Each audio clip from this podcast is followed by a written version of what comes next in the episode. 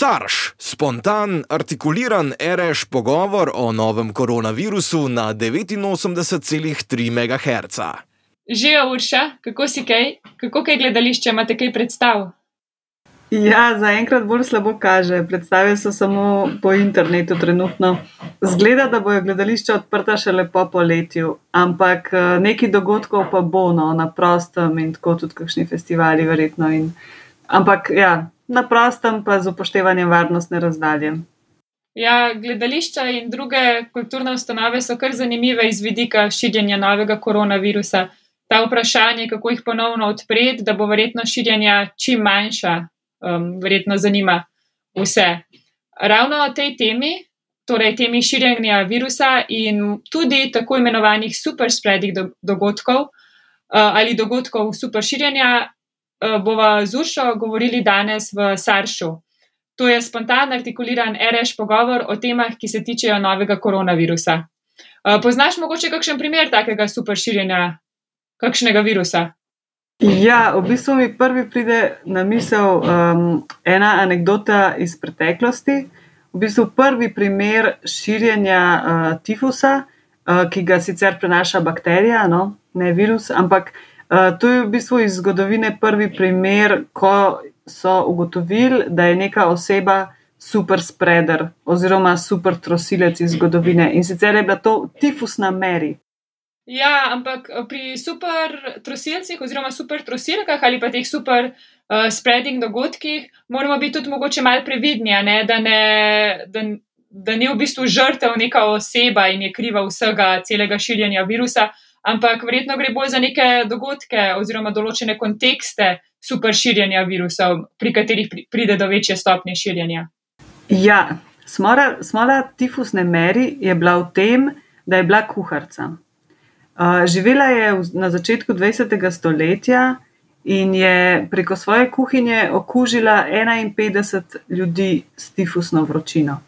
Sama simptomov tifusa ni kazala, bila je asimptomatski primer, tudi prvi v zgodovini um, poznan.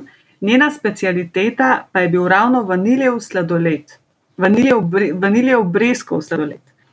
Uh, problem je v tem, da je to hrana, ki ne zahteva kuhanja. Torej se je bakterija lahko ohranila um, pač v, v, v vsej svoji patogenosti in je, in je na ta način okužila v bistvu toliko ljudi.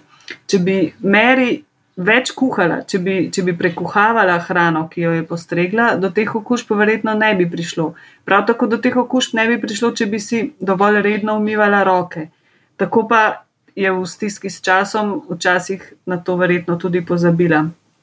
No, ampak kar se mi zdi, da se pokaže v tem primeru te tifusne meri, je, da v bistvu je veliko dejavnikov, ki vplivajo na to, ali se nek virus ali pa v tem primeru pač bakterija, ali se širi ali ne. Recimo, pač tudi pri COVID-19 se mi zdi, da precej težko napovemo potek širitve.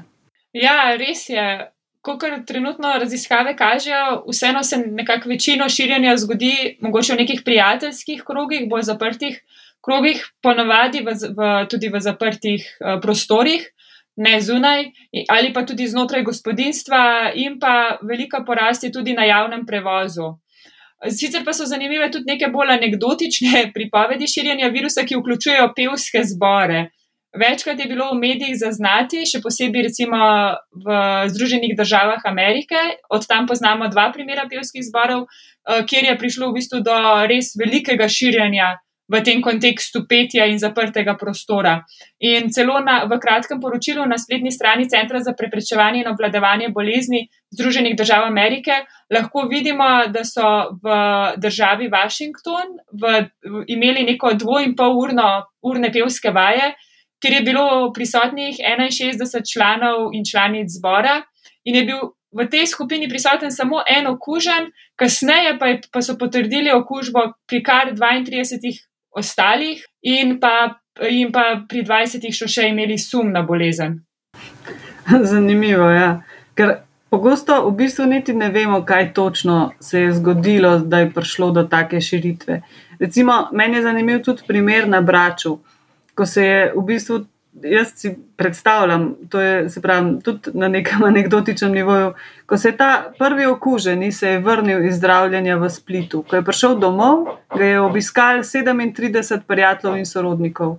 Od teh je, se jih je 22 okužilo z virusom. Točno kaj so skupaj počeli, ne vem. Um, zato težko sklepam o tem, zakaj je prišlo do tako velike stopnje nalezljivosti. Mogoče so pa celo skupaj prepevali. Ja, ti primeri super širjenja so zanimivi, predvsem zdaj v tem času, tudi enako velja za Hrvaško kot v Sloveniji. V Sloveniji trenutno, ko sproščamo ukrepe in v bistvu ljudje si tudi vedno bolj želimo neke, neke vrnitve v vsakdanje življenje. Ne? In tudi raziskovalci, raziskovalke, ki modelirajo potek epidemije, v bistvu opozarjajo, da so to vrstni efekti v modelih najbolj zaznani ravno v času, ko ali se epidemija umirja, ali pa se pravzaprav še ni resno začela. Da je v bistvu ta individualen efekt, oziroma tudi ta efekt nekega konteksta, v katerem se znajdemo, najbolj močan, ravno takrat, ko je v bistvu dosti malo primerov v neki populaciji. Sej, prav tudi s tem sproščanjem uh, ukrepov um, se spomnim na en zanimiv primer, ki je bil opisan v klicnem centru v Južni Koreji. Tam je pa prišlo v bistvu do tega, da je v istem nadstropju delalo 216 ljudi, in od tega jih je 94 zbolelo. Samo tri osebe, ki so se tudi iz tega podjetja okužile, so delale na drugi lokaciji, verjetno so kako drugače prišle v stik. Na drugi lokaciji v, v isti stavbi, ne? Samo pač. Ja, v isti v stavbi, samo v drugem nadstropju. Ja, samo v drugem nadstropju. No, in recimo v tej raziskavi so potem uh, zaključili, da lahko takšne dogodke preprečimo samo tako, da podrobno spremljamo širjenje, da ljudi, da množično testiramo in pa da vse okužene zelo zgodaj izoliramo. Ja, cilj v prihodnosti bo verjetno res, še posebej, če ne želimo imeti nekega večjega izbruha oziroma nekega novega vala, da se te verige širjenja čim prej zazna. V slovenskih medijih se sicer v zadnjem času res poroča, da praktično za vse na novo odkrite primere se pozna tako uh, vir, izvor okužbe in pa tudi s kom so bili v stiku v času, ko so, ko so v bistvu pokazali prve znake. In zelo verjetno jih trenutno, saj glede na to, da število novo okuženih še ni začelo nekaj na veliko rasti, tudi zelo uspešno zaustavljamo. Zato je v bistvu pomembno, da se vsi ljudje, ki kažejo kakršne koli znake bolezni, da jim je omogočeno testiranje in tudi, da sami čutijo to v bistvu dolžnost oziroma solidarnost tudi do drugih, da se grejo testirati. Ker prej, ko jih v bistvu zaznamo in, in ujamemo in, in jih lahko, se lahko na ta način izolirajo, lažje prekinemo te verige širjenja. Ja, ker se obstajajo pa verjetno tudi primeri, ko do širjenja vse ne pride. Ne vem, uh, pomislila sem na, na ta recimo primer v zaporu na dobu. Eh, tam, kot sem zasledila v medijih, sta bili, bila okužena dva zapornika, torej dve osebi. Um, oba si verjetno delita vsak svojo sobo še s 15 ostalimi osebami, um, pa ni v bistvu prišlo do širjenja uh, okužbe na nikogar drugega. Zdaj, zakaj v tem primeru ne? Medtem ko po drugi strani pa imamo primer uh, Šmarja pri Jelšah, kjer je v bistvu učiteljica prišla iz Mučanja v Italiji in se je zgodilo pravo žarišče okužb. Se pravi, tukaj se mi zdi pomembno spet povdariti, da se vračamo k sami situaciji, ki je omogočila širjenje, ker so učitelji res v položaju, ko veliko govorijo v zaprtem prostoru in na ta način lahko pride do hitrejšega širjenja. Mm, zato je pomembno, da vsak od nas nosi odgovornost, ker je treba čim prej najti vse primere, zato da ne prihaja do takih super širjenj in da lahko virus zaezimo. Ker ta primer iz doba, to je, bil, to je bilo pač na ključje, da se med zaporniki, srečno na ključje, da se med zaporniki ta virus ni uspešneje razširil. Ja, neka zanimiva v bistvu lasnost teh primerov superširjanja je tudi to, da če virus, v bistvu za, za ta novi koronavirus, še nismo povsem prepričani, da, da ima ti efekt superširjanja. Čeprav, kot vidimo, imamo že kar nekaj anekdotičnih, pa nekaj celo prav znanstveno opisanih uh, primerov superširjanja tega virusa.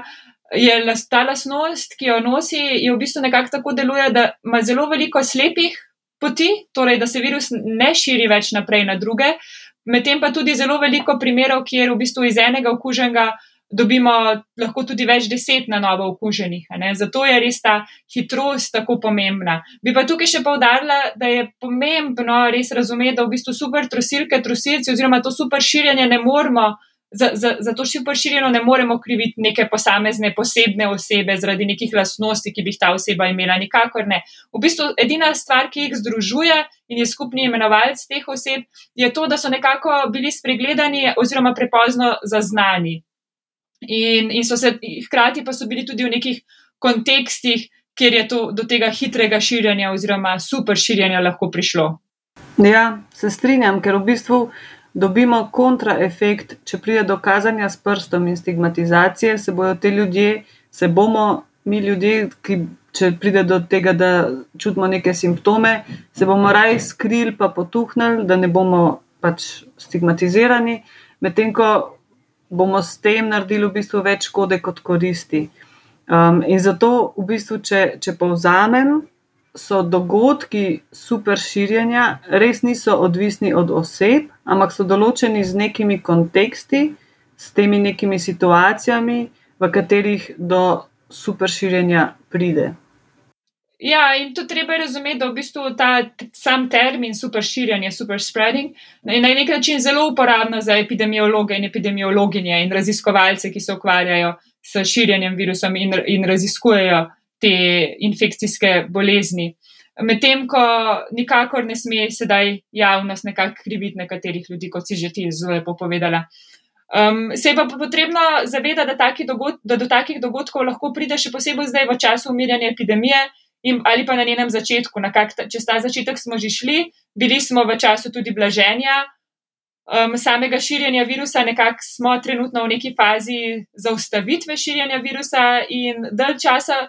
Dlje časa bomo v bistvu lahko na nekem tem vsakdanjem življenju boljše, boljše moramo zaznavati potencijalne primere superširjenja in, in jih zaustaviti. Ne. Verjetno bomo tudi vedno več imeli tudi raziskav, ki bojo v bistvu nas lažje usmerile in boljše usmerile v to, kje se to dogaja, in ne na zadnje, na koncu lahko mogoče celo odpremo koncertne in gledališke dvorane.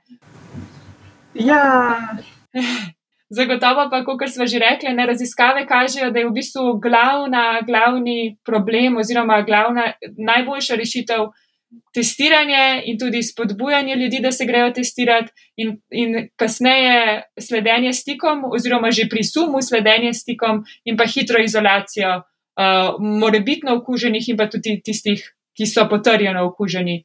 Nekako to kaže, da so najboljši ukrepi pri tem, da zaustavimo virus in se lahko vrnemo v neko, neko bolj vsakdanje življenje, seveda pa bomo na koncu vseeno morali najti neko drugačno rešitev. Ali bo to cepivo, ali pa bo virus počasi šel čez celo populacijo, oziroma lahko tudi kaj čez drugega, na kar še nismo pomislili. Oh, oh, korona flop. Izbrali smo tistega, ki se ga je na konsenzu strokovnjakov dalo oceniti kot najbolj primernega po performancah, ki se jih pri takih testih ocenjuje, to je specifičnost in občutljivost. Jaz bi sam to rekla, ne? da če se od nas pričakuje, da se hodimo testirati, da smo iskreni o svojem zdravju in na ta način solidarni z drugimi, bi si želeli, da so iskreni tudi na drugi strani. Medtem ko na, s, imam občutek, da tukaj pa prihaja do prikrivanja oziroma do, do skrivnostnosti in, in podatki o zanesljivosti testov res še ostajajo skrivnost. Ja, tudi, tudi v skladu z odprto znanostjo bi bilo prav, da so podatki in analiza rezultatov javnosti dostopni, še posebej glede na to, da gre v bistvu za javno financirano nacionalno raziskavo. Ampak bomo morali še malo počakati. Tole je zaključek drugega sarša, spontanega, artikuliranega RŠ pogovora o novem koronavirusu. Veseli bomo vaših pohval, kritik in predlogov za nadaljne epizode. Dostopni smo preko Facebook profila Radio Student Znanost, Twitterja Afna Znanost RS in na mail zrafna radiostudent.si. Sarš, spontan, artikuliran RŠ pogovor o novem koronavirusu na 89,3 MHz in v vaši najljubši podcast aplikaciji. Naše vsebine lahko podprete na siri.radiostudent.si.